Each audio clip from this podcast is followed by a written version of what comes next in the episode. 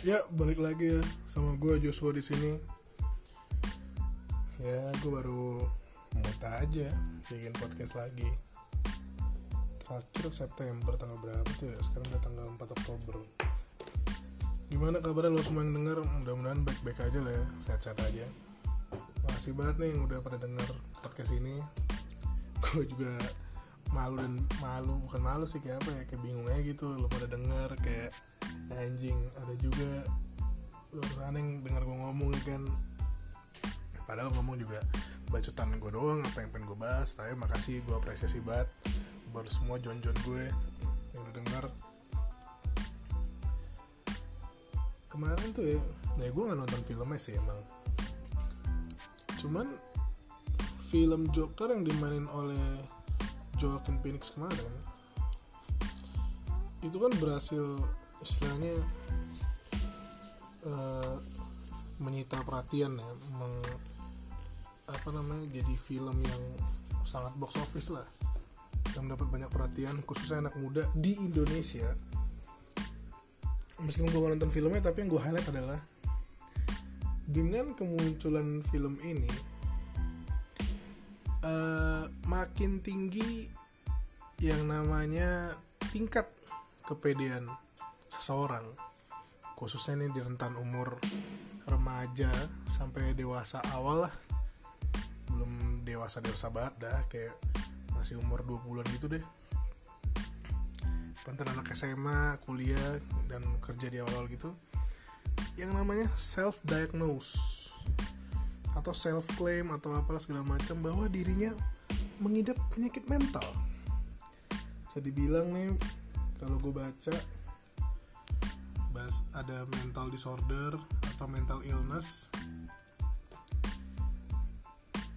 Yang padahal tuh orang ya yang gue tangkap ya itu tuh kayaknya tuh nggak pernah yang namanya ke psikolog atau psikiater ngecek keadaannya gimana. Tapi ya bilang aja kayak misalnya ada tuh banyak tuh orang tuh kayak nulis-nulis nama fobia-fobia apa gitu. Saat dia merasa gue ketakutan ini deh. Terus dicari tuh ada nggak ya nama ketakutan ini di internet atau di mana? Terus dia merasa oh gue punya fobia ini nih. Gue punya kelainan mental ini nih. Terus yang gue makin gue bingung ya kalau menurut gue kan yang namanya penyakit mental itu kan aib ya. Ya lu butuh orang sih untuk lo ngobrol untuk lo bercerita untuk lo berbagi. Tapi bukan berarti itu kayak jadi lo share ke orang-orang gue nih punya gini nih gue ngeliatnya malah jadi kayak privilege gitu sih untuk keren-kerenan gue bilang. Sumpah menurut gue aneh. Ini yang gue baca ya ada namanya clinical depression. Ada anxiety disorder. Ini pasti lo semua sering banget nih ngeliat orang yang nulis anxiety anxiety segala macam. Ini kayak kekhawatiran gitu kan. Soalnya sini a mental health disorder characterized by feelings of worry anxiety or fear that are strong enough to interfere with one's daily activities.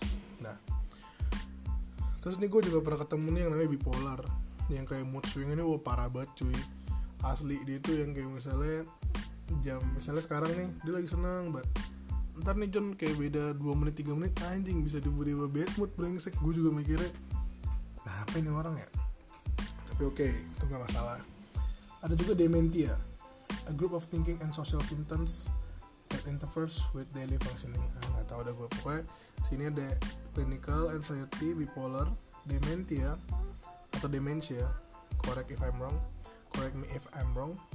Attention deficit hyperactivity disorder ADHD terus ada schizophrenia. Ada juga obsessive compulsive disorder autis post traumatic stress disorder PTSD dan masih banyak lagi ada juga ada yang impulsif dan segala macam nah yang gue lihat ya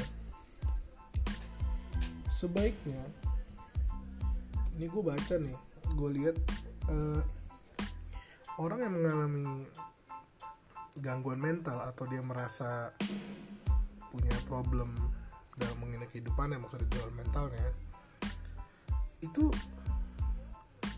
ya gimana ya gue bilang ya lu harusnya ke orang yang tepat sih. Orang yang emang tahu maksudnya orang yang emang ada di bidang itu orang yang ngerti apa yang harus dilakukan. Maksud gue daripada lu self claim untuk keren-keren dan dan pada dan dan rupanya lo tuh nggak mengalami itu. Wah itu jelek banget sih.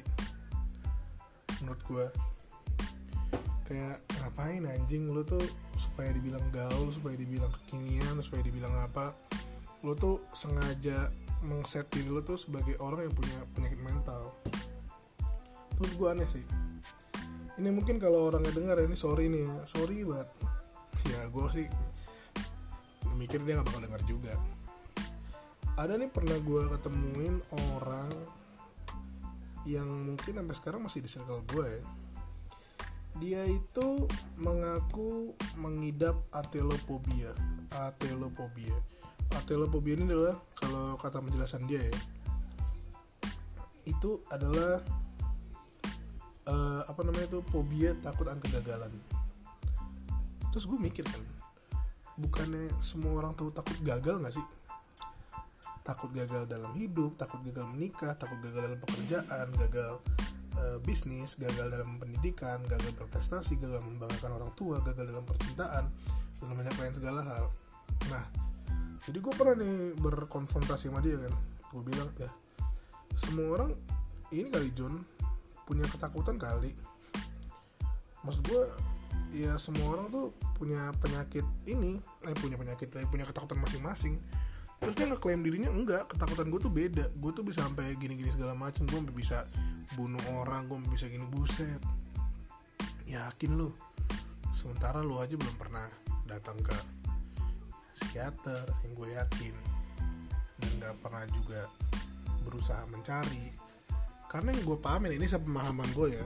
Sorry kalau gue salah atau soto ya. Mohon maaf aja. Orang-orang kayak gitu tuh pasti tuh enggak bukan pasti sih hampir tidak mungkin datang ke psikiater karena pasti malu yang pertama. Pasti ntar dijudge orang tuh ih ada gangguan mental. Orang bakal takut jadinya approach ke dia untuk misalnya um, mungkin tadinya berteman atau mau berkolaborasi dalam satu hal dan lain hal kita pasti jadi bakal takut. Karena takutnya ini orang nih tiba-tiba keluar kayak gila-gilanya atau tiba-tiba keluar kelainan mentalnya kan orang jadi pasti aduh nggak deh ini segala macam. Jadi menurut gue itu tuh aib gak sih yang harusnya lo tutupin dan lo perbaikin? Kayak kayak lo tuh bisa ngomong sama keluarga dekat lo orang-orang yang lo percaya daripada lo nge-share ke orang-orang yang mana orang tuh pasti ada yang pasti ada aja orang luar sana pemikiran sama gue yang bakal bilang maksud lo apaan sih kayak gini?